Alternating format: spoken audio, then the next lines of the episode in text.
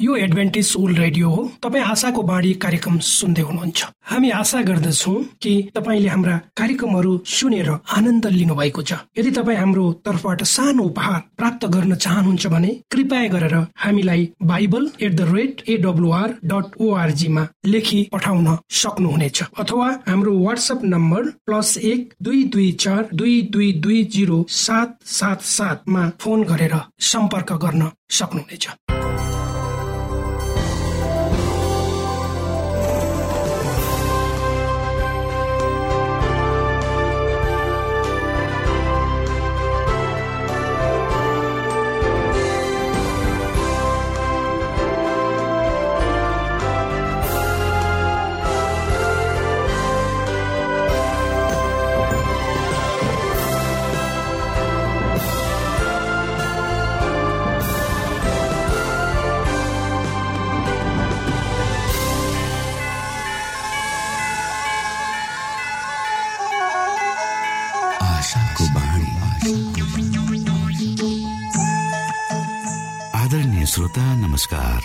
समय तपाईँ Adventist world रेडियोको प्रस्तुति भोइस अफ हो। आशाको बाणी कार्यक्रम सुन्दै हुनुहुन्छ।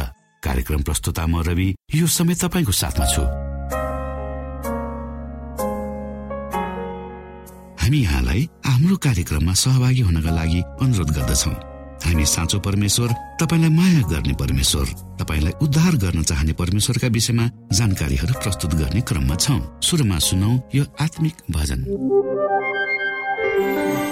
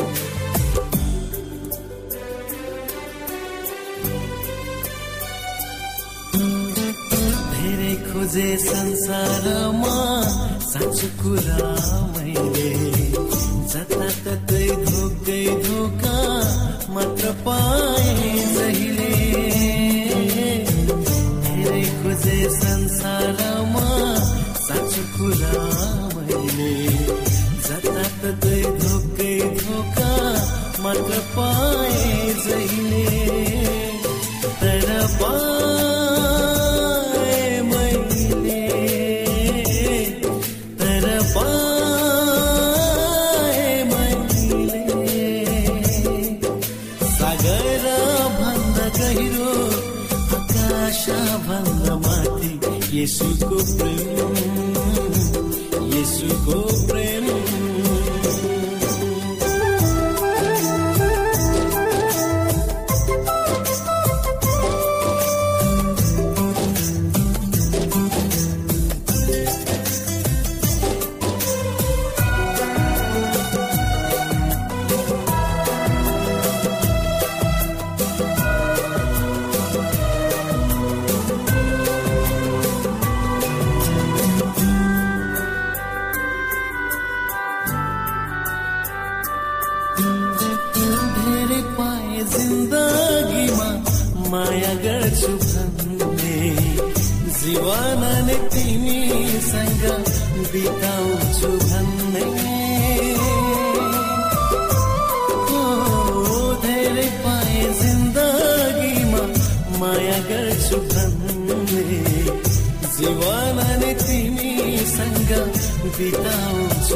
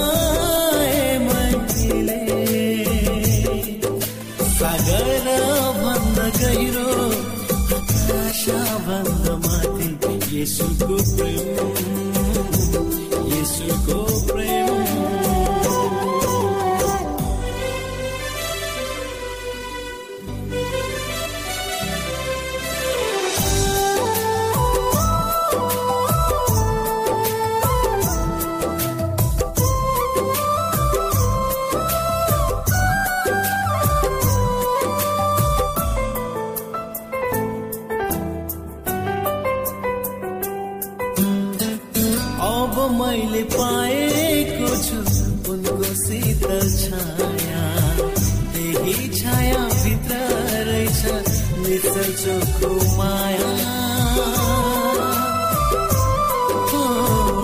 अब मैले पाएको छु उनको शीतल छाया।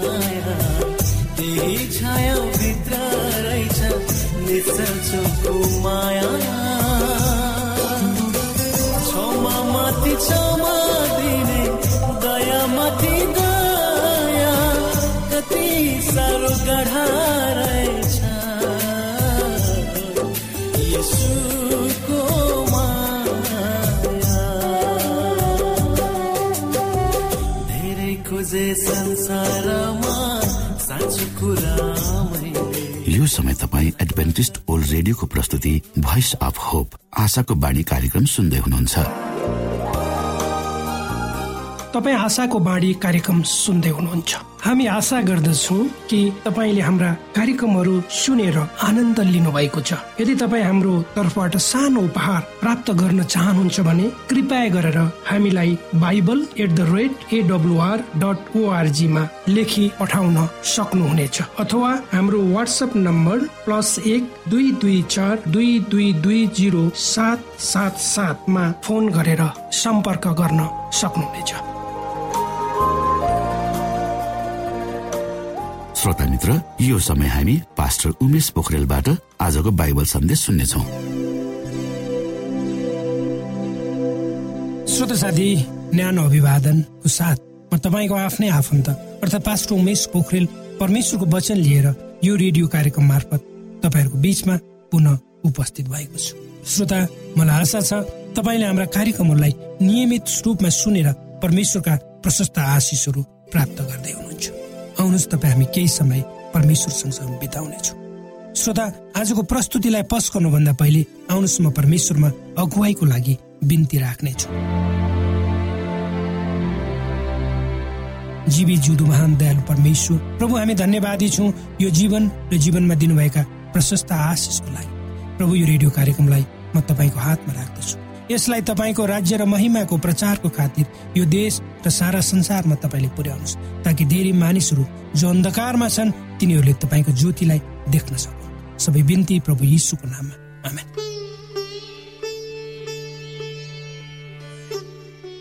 श्रोत साथी परमेश्वर हाम्रो हृदय चाहनुहुन्छ तर हाम्रा हृदयहरू सदैव सांसारिक कुराहरू प्राप्तिको निम्ति मात्रै लागेको देखिन्छ। त्यसैले प्रभु येसु भन्नुहुन्छ जहाँ तिम्रो धन हुन्छ त्यहाँ तिम्रो मन पनि हुन्छ। हाम्रो हृदय परमेश्वरसँग हुनुपर्छ। त्यसैले त प्रभु येसु भन्नुहुन्छ पहिले उहाँको राज्य र उहाँका धार्मिकताको खोजी गर। र यी सबै थोक तिमीहरूका निम्ति थपिनेछ हामी सबैले पुरा हृदयका साथ परमेश्वरको अतुलनीय प्रेमलाई स्वीकार गर्नुपर्छ। त्यसै सन्दर्भमा भनिएको छ तैँले परमप्रभु आफ्ना परमेश्वरलाई तेरा सारा हृदयले तेरो सारा प्राणले तेरा सारा समझले र तेरा सारा शक्तिले प्रेम परमेश्वर तपाईँ हाम्रो जीवनको पहिलो स्थान हुनुपर्छ। श्रोत साथी सृष्टिकर्ता जसले स्वर्ग र पृथ्वीको सृष्टि गर्नु र पवित्र धर्मशास्त्रले स्पष्ट भन्छ हामीले शनिबार परमेश्वरको आराधना गर्नुपर्छ। जुन दिन उहाँको सृष्टिको सम्झनाको रूपमा हामीले आराधना गर्छौँ। त्यसैले त पवित्र धर्मशास्त्र बाइबलको अन्तिम पुस्तक प्रकाशको चौध अध्यायको सात पदले स्पष्ट भन्छ परमेश्वरसँग डराओ र उहाँलाई महिमा देऊ किनकि उहाँका इन्साफको घडी आएको छ। स्वर्ग पृथ्वी समुद्र र पानीका मूलहरू बनाउने हुनेलाई गर। आफ्ना सृष्टिकर्तालाई आराधना गर्नु उहाँका सन्तानहरूको चरित्र भजन सङ्ग्रहका लेखक भन्छन् आओ दण्डवत गरौँ र निहुरौँ। हाम्रा सृष्टिकर्ता परमेश्वरकै सामु सही उपासकहरूको जीवनमा यस्तै धेरै कुराहरू हुन्छन् जसले उसलाई आफ्नो आत्मिक वृद्धिमा सहयोग गर्छ। त्यो हो निरन्तर रूपमा परमेश्वरको वचन पढ्ने। प्रार्थना गर्ने मण्डलीमा जाने र परमेश्वर सँगसँगै रहेर उहाँको सेवामा अन्य विश्वासीहरूसँग मिलेर काम गर्ने आदि सुसमाचार प्रचारको काममा अग्रसर हुने गवाई हुने काम पनि महत्वपूर्ण छ। त्यसै गरी परमेश्वरलाई दिनुपर्ने आफ्नो भाग दिने कुरा विश्वासीका जीवनका प्रमुख भागहरू हुन्। सही उपासकका दुई पक्षहरू हुन्छन्। एउटा मौखिक उपासना दोस्रो भाग भनेको व्यवहारिक उपासना। मौखिक उपासना भनेको भजन गाउने पवित्र शास्त्र पढ्ने साबत स्कुल अध्ययन गर्ने प्रार्थना गर्ने गवाई बाँड्ने प्रचार प्रसार गर्ने आदि पर्दछ। हामीले आफ्ना मण्डलीहरूमा गर्ने सबै कुराहरू हाम्रा ओठबाट मौखिक रूपमा निस्कन्छ। तर दोस्रो भाग भनेको व्यवहारिक पक्ष हो। त्यो भनेको प्रभु भोजमा भाग लिने परमेश्वरको भण्डारमा दशांश भेटी ल्याउने प्रत्येक दिन परमेश्वरसँग बिताउने आदि आदि। यी दुई किसिमका आराधनाहरू हाम्रो जीवनमा आवश्यक छन्।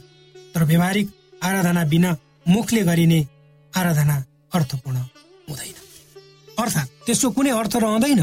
मौखिक आराधना हाम्रो व्यवहारिक आराधनामा भर पर्छ। तर व्यवहारिक आराधनाको निम्ति मौखिक आराधना नचाहिन सक्छ। किनकि परमेश्वरले हाम्रो ओठे भक्ति मात्र चाहनुहुन्न।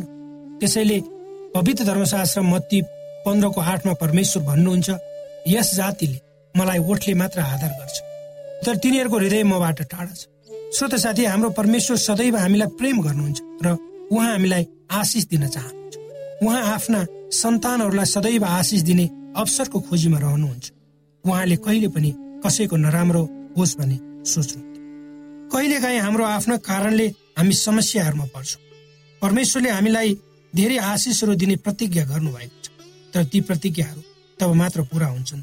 जब हामी परमेश्वरले भनेका बाटोमा हिँड्न राजी हुन्छौँ। उहाँले हामीलाई प्रशस्त आशिषहरू दिने प्रतिज्ञा गर्नुभएको छ। पवित्र धारा पवित्र धर्मशास्त्र बाइबलको मलाकी पुस्तकको तीन अध्यायको दश पदमा परमेश्वर यसो भन्नुहुन्छ सम्पूर्ण दशांश ढुकुटीमा ल्याऊ ताकि मेरो घरमा भोजन रहोस्।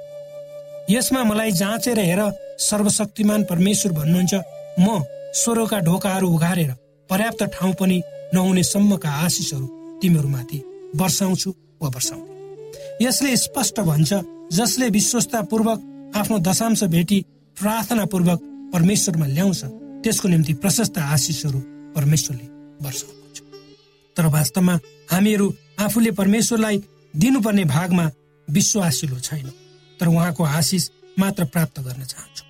त्यसैले कयौँ समयमा हामीलाई प्राप्त आशिषहरू समेत हामीबाट छिनिन्छ हामीले परमेश्वरबाट प्राप्त गरेका आशिषहरूप्रति हामी धन्यवादी हुनुपर्छ र तिनलाई गन्नुपर्छ।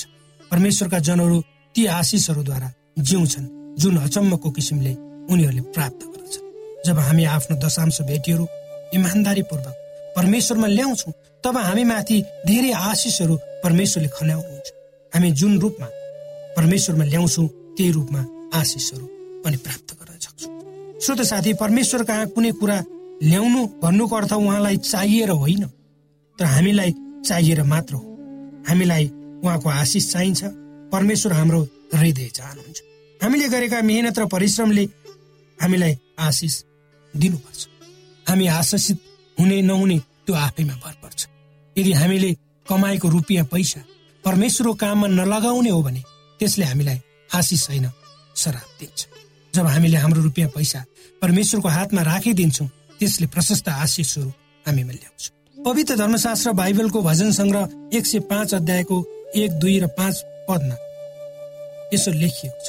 परम प्रभुलाई धन्यवाद चढाऊ उहाँको नाउँको पुकार गर। जातिहरूका बीचमा उहाँले गर्नुभएका कार्यहरू प्रचार। उहाँको निम्ति प्रशंसाको स्तुति गाऊ उहाँका सबै आश्चर्य कर्महरूको बयान गर। र उहाँले गर्नुभएका अचम्मका कामहरू स्मरण गर। उहाँका आश्चर्य कर्म र उहाँले सुनाउनु भएका फैसलाहरू स्मरण परमेश्वरले गर्नुभएका महान र अचम्मका कामहरूलाई मानिसले आफ्नो समझमा बुझ्न सक्दैन। उहाँका आशीर्वादहरूलाई हामी गन्न सक्दैनौँ। हाम्रो जीवन उहाँको आशिषहरूलाई गन्न हाम्रो जीवन उहाँका आशिषहरूलाई गन्न वा सम्झनै नपाई अन्त्य हुन सक्छ। तिनीहरूको विषयमा हामी वर्णन गर्न सक्दैनौँ।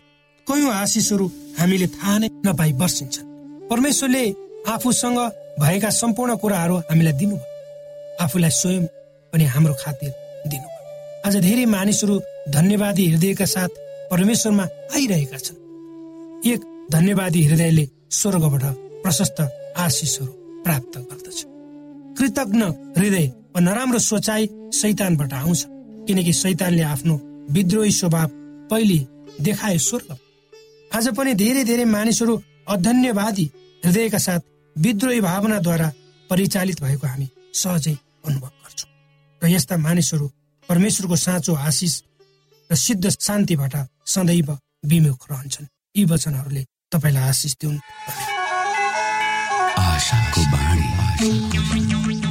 श्रोता भर्खरै यहाँले पास्टर उमेश पोखरेलबाट बाइबल वचन सुन्नुभयो। यो समय तपाईँ एडभेन्टिस्ट ओल्ड रेडियोको प्रस्तुति भोइस अफ होप आशाको बाणी कार्यक्रम सुन्दै हुनुहुन्छ। कार्यक्रम सुनेर बस्नुहुने सबै श्रोतालाई हामी हाम्रो कार्यक्रममा स्वागत गर्न चाहन्छौ। श्रोता मित्र यदि तपाईँ जीवनदेखि हरेस खानु भएको छ तपाईँका जीवनमा धेरै अनुत्तरित प्रश्नहरू छन् भने आउनुहोस् हामी तपाईँलाई परमेश्वरको ज्योतिमा डोहोऱ्याउन चाहन्छौँ। र तपाईँ आफ्नो जीवनका चिन्ता फिक्रीबाट निश्चिन्त हुनुहोस् र बाँच्नुको आनन्द परमेश्वरको सामिप्यमा कति मिठो हुन्छ त्यो चाख्नुहोस् भनी हामी चाहन्छौँ। श्रोता यदि तपाईँ आशाको बाणी कार्यक्रमलाई अनलाइन सुन्न चाहनुहुन्छ वा डाउनलोड गर्न चाहनुहुन्छ भने ओआरजीमा जानुहोस्। त्यहाँ तपाईँले प्रत्येक दिनको कार्यक्रम सुन्न र डाउनलोड गर्न सक्नुहुनेछ। हाम्रो वेब पेज यस प्रकार छ।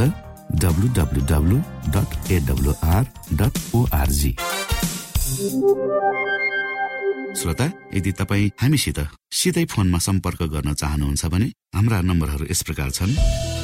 अन्ठानब्बे एकसाठी पचपन्न शून्य एक सय बिस। अन्ठानब्बे एकसाठी पचपन्न शून्य एक सय बिस। र अर्को अन्ठानब्बे अठार त्रिपन्न पन्चानब्बे पचपन्न। अन्ठानब्बे अठार त्रिपन्न पन्चानब्बे पचपन्न।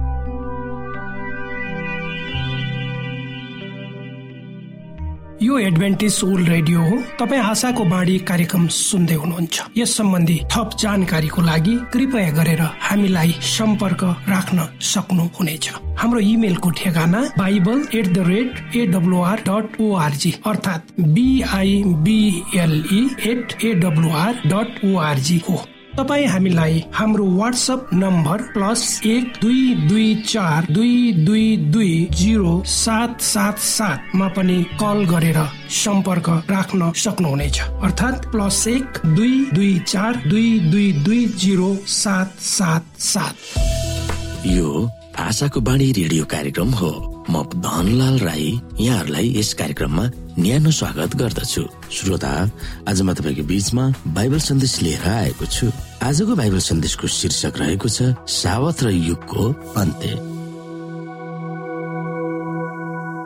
श्रोता यस सावत र युगको अन्त्य भन्ने बाइबल सन्देशमा हामीले विशेष गरी अध्ययन गर्नुपर्ने बाइबलीय पदहरू रहेको छ याकुब दुई अध्यायको आठदेखि तेह्र। व्यवस्था पाँच अध्यायको बाह्रदेखि पन्ध्र। भजन संग्रह तेत्तिस अध्यायको छ र नौ। प्रकाश चौध अध्याय र दुई पत्रुस तीन अध्यायको तेह्र र प्रकाश एक्काइस अध्यायको एक पद। र यस अध्यायमा हामीले सम्झनु पर्ने पद अथवा मेमोरी गर्नुपर्ने बाइबलीय भर्स रहेको छ एफएसी तीन अध्यायको नौ पद। यहाँ लेखिएको छ यसो ख्रिस्टद्वारा सबै कुरा सिर्जना हुने परमेश्वरमा युग युगदेखि लुप्त रहेका रहस्यको योजना सो के हो सबै मानिसलाई खुलस्त गराउने अनुग्रह मलाई दिइयो। श्रोता साथी मानव जीवनलाई मर्यादा गर्नुपर्ने सम्मान गर्नुपर्ने र उसको प्रतिष्ठालाई कायम गरिराख्नुपर्ने एउटा मूल तत्व हो सारा मानिसहरूको साझा सृष्टि। विज्ञान वा अरू दर्शन वा धर्महरूले नै जे भनोस् प्रत्येक मानिसलाई बहुमूल्य ठानेर उसलाई सम्मान गर्नुपर्ने कारण नै हो। परमेश्वरले हामीलाई सृष्टि गर्न विशेष तरिका अप्नाउनु भएको थियो।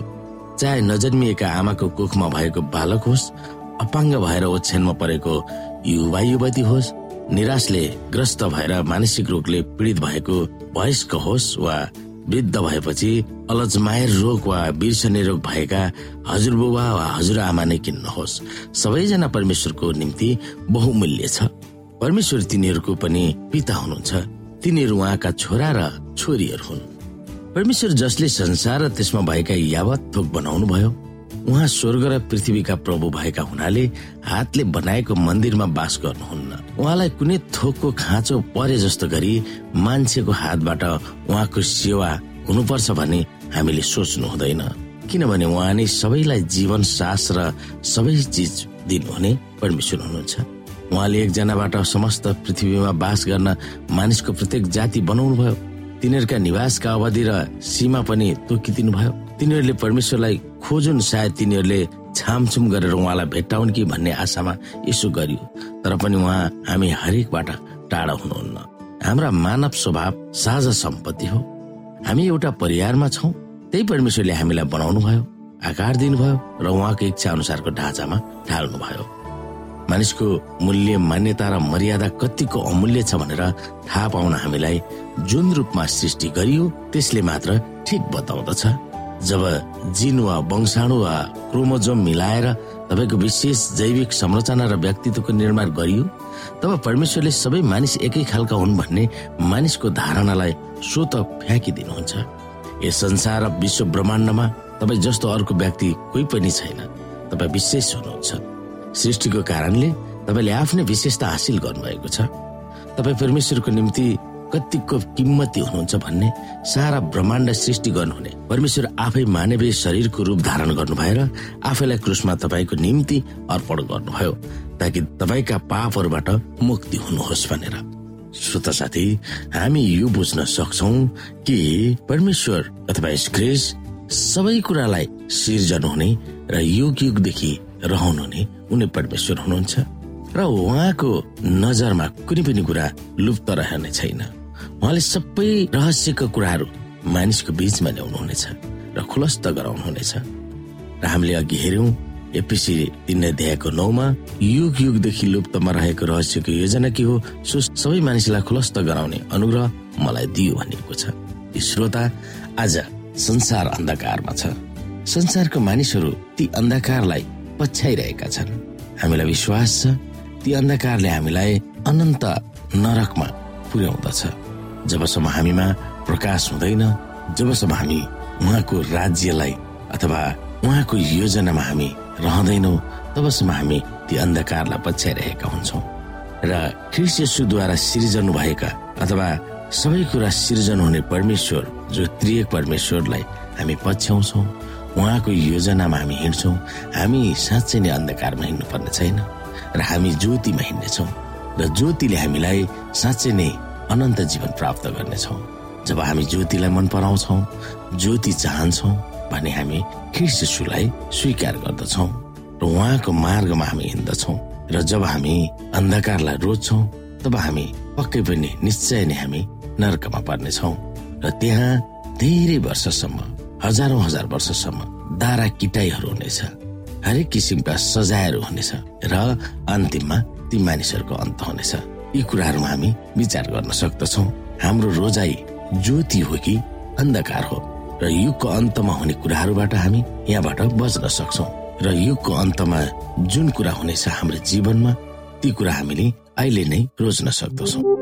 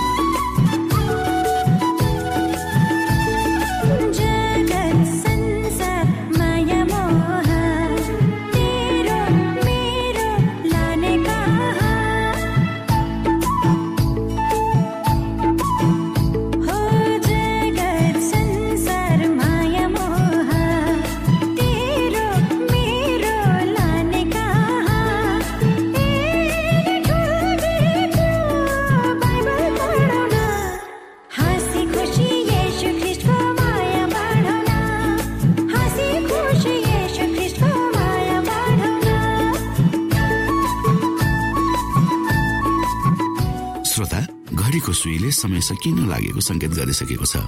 श्रोतासँग अरू समय बिताउने चाहना हुँदा हुँदै पनि हामीले कार्यक्रमबाट विदा माग्ने समय आइसकेको छ। हाम्रो कार्यक्रमको विषयमा जानकारी लिनको लागि हाम्रो कार्यक्रममा सम्पर्क गर्नका लागि हाम्रो ठेगानाको बारेमा यहाँलाई जानकारी गरौं। आशाको बाणी पोस्ट बक्स नम्बर दुई शून्य शून्य शून्य दुई काठमाडौँ नेपाल। यसै गरी श्रोता यदि तपाईँ हामीसित सिधै फोनमा सम्पर्क गर्न चाहनुहुन्छ भने हाम्रा नम्बरहरू यस प्रकार छन्। अन्ठानब्बे एकसाठी पचपन्न शून्य एक सय बिस। अन्ठानब्बे एकसाठी पचपन्न शून्य एक सय बिस। र अर्को अन्ठानब्बे अठार त्रिपन्न पन्चानब्बे पचपन्न। अन्ठानब्बे अठार त्रिपन्न पन्चानब्बे पचपन्न। श्रोता तपाईँ हामीलाई इमेल पनि गर्न सक्नुहुन्छ। हाम्रो इमेल एड्रेस यस प्रकार छ Nepal at AWR dot ORG Nepal at AWR dot ORG यदि तपाईँ हामीलाई अनलाइन सुन्न चाहनुहुन्छ वा डाउनलोड गर्न चाहनुहुन्छ भने तपाईँ डब्लु डट एडब्लुआर डट ओआरजीमा जानुहोस् र त्यहाँ तपाईँले हाम्रो सबै कार्यक्रमहरू सुन्न सक्नुहुनेछ। हवस् त श्रोता हाम्रो कार्यक्रम सुनिदिनु भएकोमा एकचोटि फेरि यहाँलाई धन्यवाद दिँदै भोलि फेरि यही स्टेशन र यही समयमा भेट्ने बाजा गर्दै प्राविधिक साथी राजेश पास्टर उमेश पोखरेल र कार्यक्रम प्रस्तुता म रवि यहाँसँग विदा माग्दछौ। परमेश्वरले तपाईँलाई धेरै धेरै आशिष दिनु भएको होस्। नमस्कार।